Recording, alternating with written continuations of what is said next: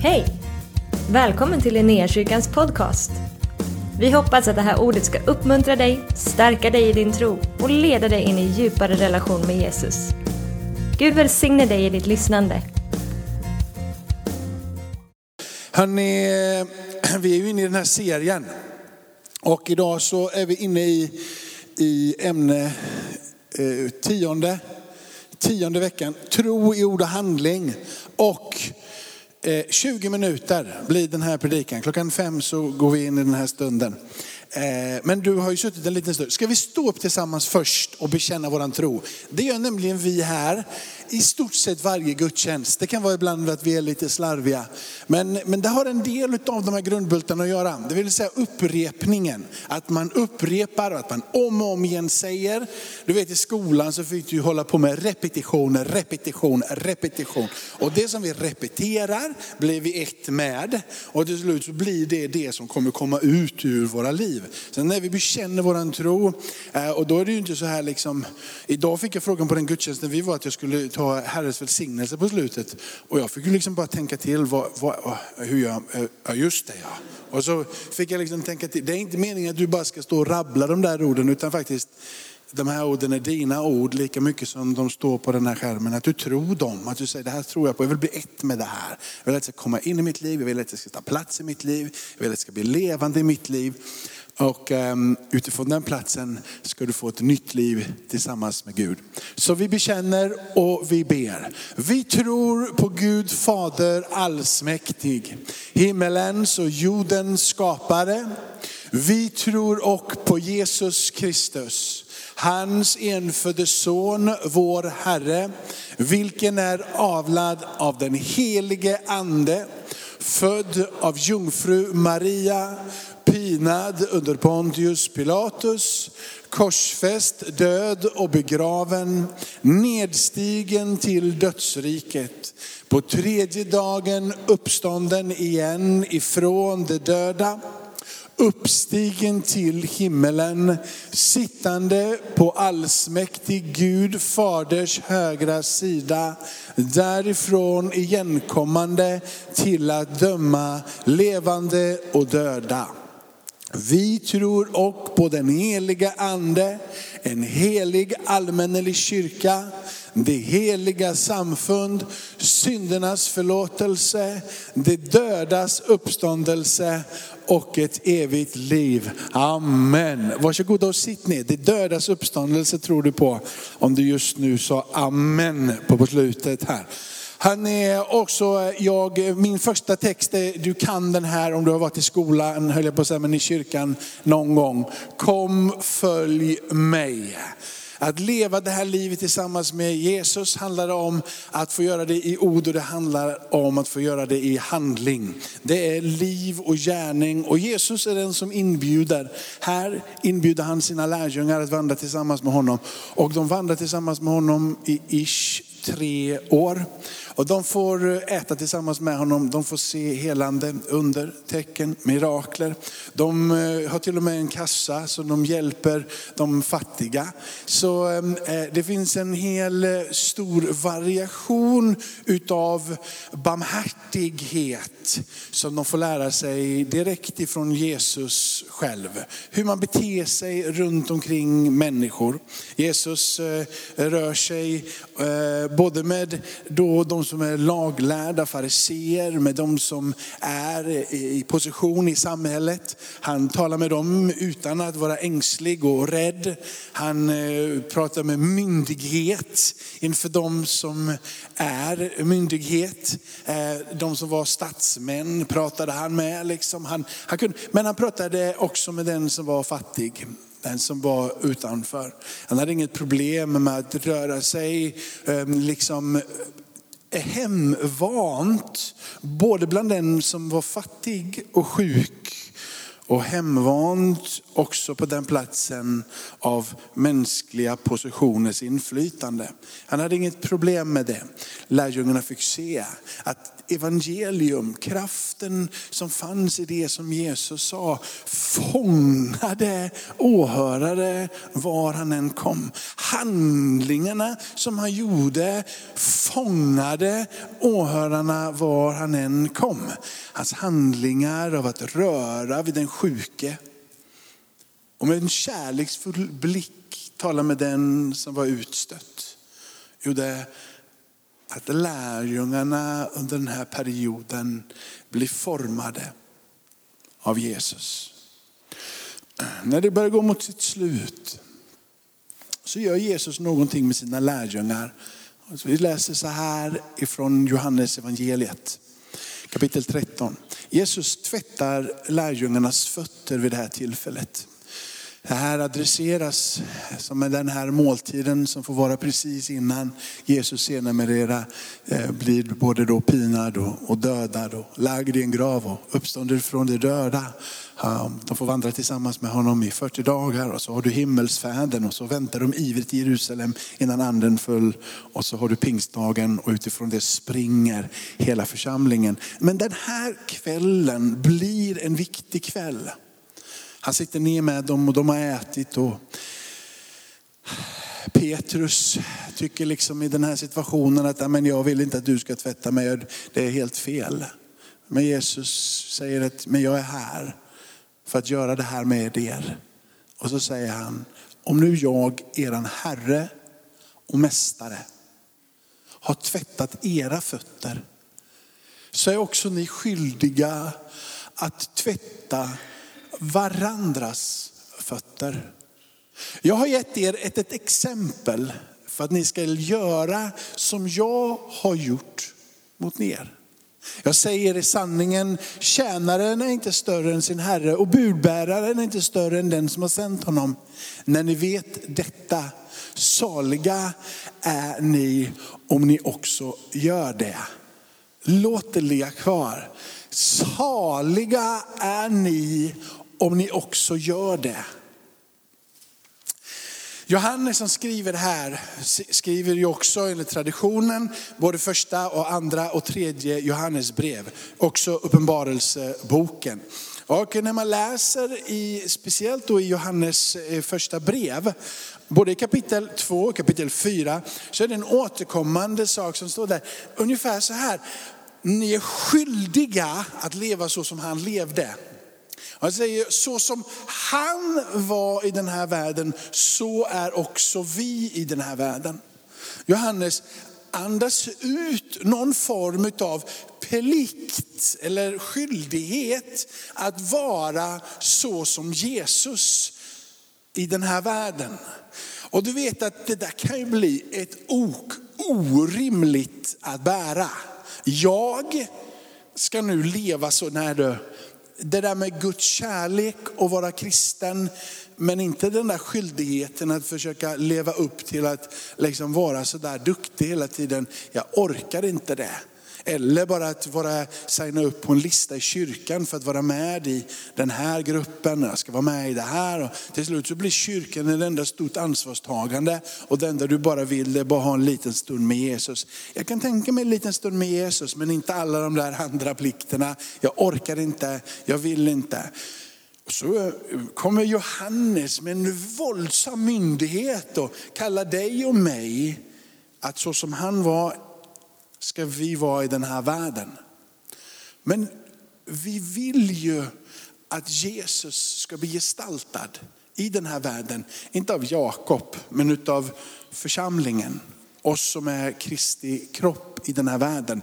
Att vi ska vara salt och ljus är en eh, hälsning från Jesus själv. Vårt uppdrag att vi ska återspegla vem Jesus är i den här tiden.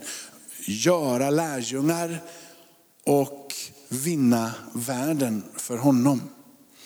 Så en liten stund med Jesus är den fullständiga lösningen på det. När Johannes skriver här, jag lurar er lite för jag vill trycka på poängen av det här med skyldighet och så som han är världen ska vi och vara. Och rycker det lite grann ut från sitt sammanhang. För när Johannes skriver för att ta kapitel 4, där han säger att så som han, är, eh, så som han var i världen så ska och vi vara i världen. Så är det i sammanhanget när han pratar om Guds kärlek. Den här kärleken som kommer ifrån Gud, Gud är kärlek. Johannes har varit nära Jesus. Han har fått se in i hans ögon och uppleva värmen. Han har fått se när Jesus bryr sig om hög och låg. Han har sett hur kraften strömmar ut ifrån Jesu liv till att bota, driva ut demoner och att resa upp den som är sargad och besviken. Han har sett kärleken. Han har varit så nära Jesus så han till och med har lutat sig mot bröstet på honom. Han har varit så nära och fått uppleva den där kärleken. Och det är det som Johannes adresserar. Så som han är, så är och vi i den här världen. Johannes bjuder in dig att få ha samma motor på insidan som Johannes har. Samma kraft som väckte upp Jesus ifrån de döda skulle få pulsera på din insida. Att Guds kärlek skulle ha präglat dig. Så vad du än går fram så doftar det utav himmelsk eh, värme. Hörrni, när vi läser Bibeln så kan vi aldrig i Bibeln gå bortanför att Gud och moral och etik hör ihop. Men moral och etik är inte Gud. Så vi kan nalkas Gud utan moral och etik. För att han har visat vägen genom död och uppståndelse. Det naturliga livet tillsammans med Gud, det är att låta det som finns i honom få tränga in och prägla dig på insidan. Benjamin har sagt det så bra här så många gånger. Han säger att Bibeln är inte till för att vi ska tala om för världen vad den säger först och främst. Bibeln är till för att du ska ta den till dig och bli förvandlad igenom den.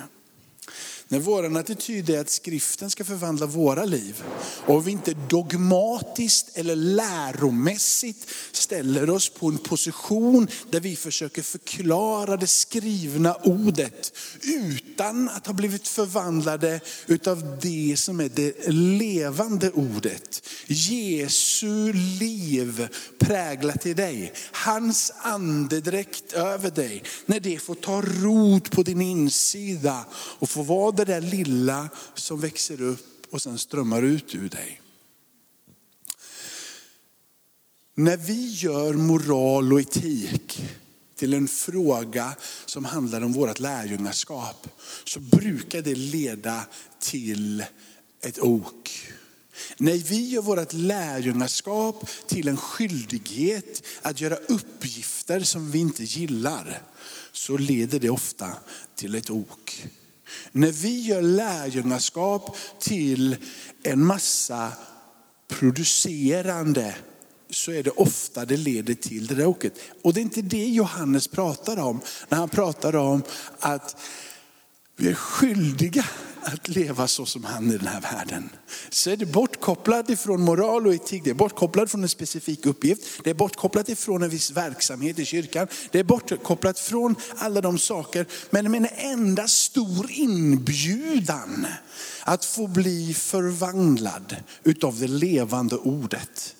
Så det som är hälsningen ifrån himlen över vad som är ett liv värt att leva i efterföljelse till Jesus. Där man i ord och handling lever med integritet och karaktär och uthållighet och tålamod och trofasthet. Allting det som vi uppskattar, inte bara som kristna, utan som mänsklighet. Du måste väl hålla med dig om att det inte bara är kristna som uppskattar, uppskattar att man är trofast. Eller hur? Liksom? Utan det är ju det är lite jobbigt med den liksom, fjong ena sekunden och fjong andra sekunden. Det är ut, liksom, det bara dränerar på kraft. Så det gäller ju i allra högsta grad alla människor. Men det som händer tillsammans med Gud, när det inte blir lärosatser och dogmatik och allting det där saker, utan det låter det som Benjamin säger, det levande ordet får transformera dig på insidan.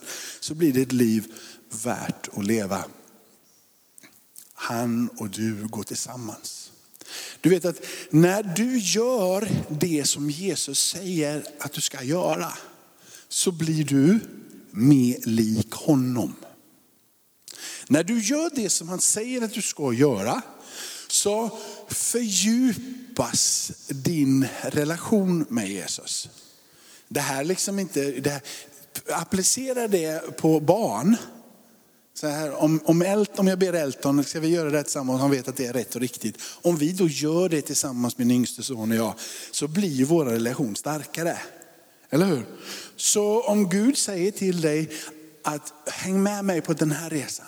Jag kallar dig och jag bemyndigar dig med det här och jag, jag ger dig de här sakerna, gåvorna som strömmar ifrån den helige ande. Och du sen väljer att leva tillsammans med Jesus och använda dig av det livet som finns tillsammans med Jesus och bli präglad av det livet tillsammans med Jesus. Så vad händer då? Då går du djupare tillsammans med Jesus. Då kommer du inte bara sitta på ett bönemöte och bara säga, kom igen nu, mer uppenbarelser. Ge mig bara lite till, bara låt det få hända på min insida. Bara öppna ögonen, låt mig få se himmelen, låt mig få se änglar. Låt mig... Utan det som händer är att när du vandrar tillsammans med honom och gör det som han säger, då umgås du med honom och han umgås med dig och ni växer tillsammans och du lär känna honom. Du vet att hans namn ska bli förhärligat i dig. Till hans ära.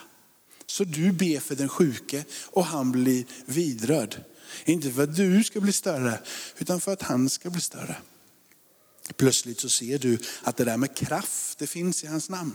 Så du sträcker ut och du vidrar någon och hjälper någon på det ena eller det andra sättet i form av en barmhärtighetsgärning, pengar eller en tröja. Helt plötsligt så får de se hur den här funktionen över att ta hand om varandra, hjälpa varandra, värmer, inte bara med plagget på utsidan, utan det värmer insidan också. Det känns när man är nära en lärjunge till Jesus. Det känns i atmosfären, det syns i ögonen och det känns i värmen både på och innanför skinnet. Så här står det Jakob. Jag kunde inte undgå att, eh, att, eh, att läsa det här. Mina bröder, vad hjälper det någon säger sig ha tro men saknar gärningar? Den tron kan väl inte frälsa honom. Om en broder eller syster saknar kläder och mat för dagen och någon av er säger till dem gå i frid, klä er varma och ät er mätta, men inte ge dem vad kroppen behöver, vad hjälper det? Så är också tron i sig själv död när den är utan gärningar. Nu kanske någon säger, du har tro, ja, men jag har också gärningar. Visa mig din tro utan gärningar så ska jag visa dig min tro genom mina gärningar. Du tror att Gud är den, det gör du rätt i. Även de onda andarna tror det och bävar. Poängen som Jakob ville få fram, det är ju att du har blivit en förvaltare utav Guds godhet. Det har blivit en förvalt, ett förrådshus utav goda saker som administreras med din tro. Han är inte ute och pratar om frälsande tro. Det vill säga utifrån att det är den frälsande tron som man pratar som leder till himmelriket. Det finns inga gärningar som tar dig till himmelen. Gärningen som tar dig till himmelen syns där bakom. Det är Jesu gärning som tar det till himmelen. Men han pratar om det där förrådshuset som följer med den där tron som har blivit planterad på din insida. Och när det där som är planterat på din insida får börja synas i ditt liv, så fyller både tro och handlingar ett syfte för ditt liv. Det är inte bara jag tror och så går jag iväg och gömmer mig. För det hjälper ingen. Utan tron plockar fram det goda förrådshuset av goda gärningar, av goda handlingar, utav tro och hopp och liv som besmittar den miljö som man lever i. Så att fler människor kan ta emot hjälp och på så sätt så märks och det syns det att du har tro som bär i ditt liv. Det här är ingenting som talar om din frälsning. Jag vill bara poängtera det in i himmelen. Det här talar bara om en enda sak. Det är att frälsning kommer utifrån att vi gör en gärning. Du blir alltså räddad ifrån att frysa. Du blir räddad ifrån en sjukdom. Du blir räddad ifrån och saker och ting för att tron och gärningarna gör att du blir frälst. Men inte in i evigheten utan den gärningen kommer därifrån och därifrån endast. Men det som händer när tron får vara verksam i ditt liv är att också dina gärningar föder fram än mer tro. De, när de separeras ifrån varandra så dräneras både dina gärningar på, på, på liksom innehåll och din tro på innehåll. Och Jakob är väl medveten om det. Att det är därför han pratar om att din tro utan gärningar urholkar din tro. Och din tro utan gärningar urholkar dina gärningar. Men han säger att om du har tro och du har gärningar så är det som att både gärningarna och tron blir välsignade. Det är som om att de ger kraft och liv till varandra till att helt enkelt explodera ut. Och så syns Jesus ännu mer och bli ännu mer förhärligad. Amen. En vers till. Nu har jag hållit på i 22 minuter. En, en, en vers till. Och sen så, sen så sen får vi ta, tjäna varandra. Hörrni. Tjäna varandra. Och var och en med den nådegåva han har fått som goda förvaltare av Guds mångfaldiga nåd tjäna varandra, den karisma som du har fått. Alltså alla vi har fått en karisma. Vi har alla fått en gåva ifrån Gud. Han vill att du ska vara i funktion med den gåvan. Nu pratar vi inte bara om en profetisk gåva eller skilja mellan olika andar. Det kan vara en gåva som strömmar över dig där du är outtröttlig när det kommer till att hjälpa den som ingenting har. Du blir, du, när, du, när du börjar prata om att hjälpa den hemlösa så är det som att du är den första in i matchen. Du bara känner att jag har så mycket kraft. Du vet att den där pratar Petrus här som författare, tjäna varandra med det. Och det går i linje med det som Paulus säger. Han säger vi är en kropp, många lemmar. Vi har alla fått en funktion så att andens verk kan komma till nytta i var och en av er till förhärligande utav sonen. Ligger den kvar där? Alltså, och så pratar han om att vi ska vara goda förvaltare utav den mångfaldiga nåd. Det är som man säger, du har fått en gåva men kom ihåg att du behöver förse att det är nåd som strömmar. Nåd som strömmar. Det är han som skjuter till kraften. Det är han som skjuter till det du behöver för att det ska fungera. Det är han som bara låter det komma det och det har ingenting med dig att göra men med allt med honom att göra. Det är det som är nåd. Vi kan inte förtjäna det. Om någon talar ska han tala i enlighet med Guds ord.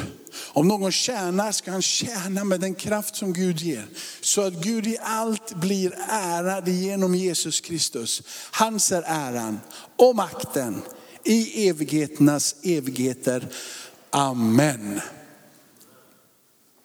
Vi ber en bön.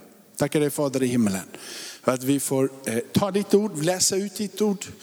Och Gud, vi ber att det här som, eh, som, som, som är skrivet, som vi har läst, att det skulle få bara fullständigt träffa våra hjärtan.